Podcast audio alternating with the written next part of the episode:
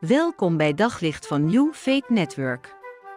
Luister elke dag naar een korte overdenking met inspiratie, bemoediging en wijsheid uit de Bijbel en laat Gods woord jouw hart en gedachten verlichten. In Romeinen 8, vers 19 en 20 staat het volgende.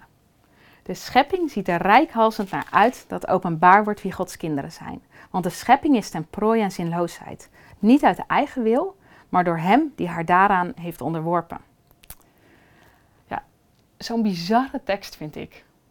De schepping ziet rijkhalsend uit naar dat openbaar wordt wie Gods kinderen zijn.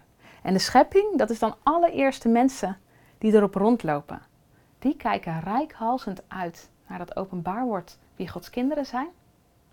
Nou, ik ervaar dat, als ik eerlijk ben, helemaal niet. Heel vaak helemaal niet. Ik weet niet hoe het met jou is. Maar ik heb niet de ervaring dat mensen in de rij staan omdat ze God willen leren kennen. In de rij staan omdat ze meer willen leren over uh, wat ik geloof. En toch. Ik uh, was laatst met een vriendin en uh, zij vertelde iets over, over haar leven. En toen vroeg ik, mag ik anders ook even voor je bidden? Ik geloof dat het uitmaakt. En zij is goed. Ik bad voor haar. En toen ik klaar was, slaakte ze een diepe zucht. En ze zei: Wat is dit goed? Ik voel me zo rustig. En ik denk dat ze iets van dat onvergankelijke proefde.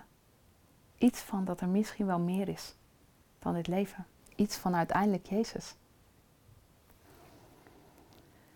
Pas als de schepping vernieuwd wordt, dan staat er in de tekst: zullen we allemaal um, merken wie, en zien wie Gods kinderen zijn. Tot die tijd zitten we allemaal in hetzelfde lichaam en is het verschil niet duidelijk. En toch wordt het af en toe duidelijk. Op het moment dat de glimpsen van Gods koninkrijk te zien zijn. Als God ineens wat doet. Als uh, je iets voor een ander mag betekenen. En we zien God. Of als je iets ontvangt en je merkt dat God er is. Zonder dat, zonder Jezus, zegt de tekst, zijn we ten prooi aan zinloosheid. Heeft het leven helemaal geen zin. Maar af en toe, als ik voor die vriendin mag bidden, als je wat voor die ander mag betekenen, dan zien we die glimpen van hoop. Hoop dat er meer is dan alleen dit leven. Hoop wat we kunnen openen als kinderen van God, het koninkrijk, door voor anderen te bidden, door wat te betekenen. Hoop op vrijheid. Hoop op meer dan dit leven. Hoop dat, er, uh, dat het toch uiteindelijk allemaal goed komt. Hoop op schitteren en stralen. Op zoek naar nog meer geloof, hoop en liefde.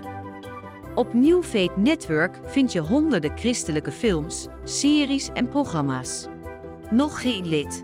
Probeer het 14 dagen gratis op newfaithnetwork.nl.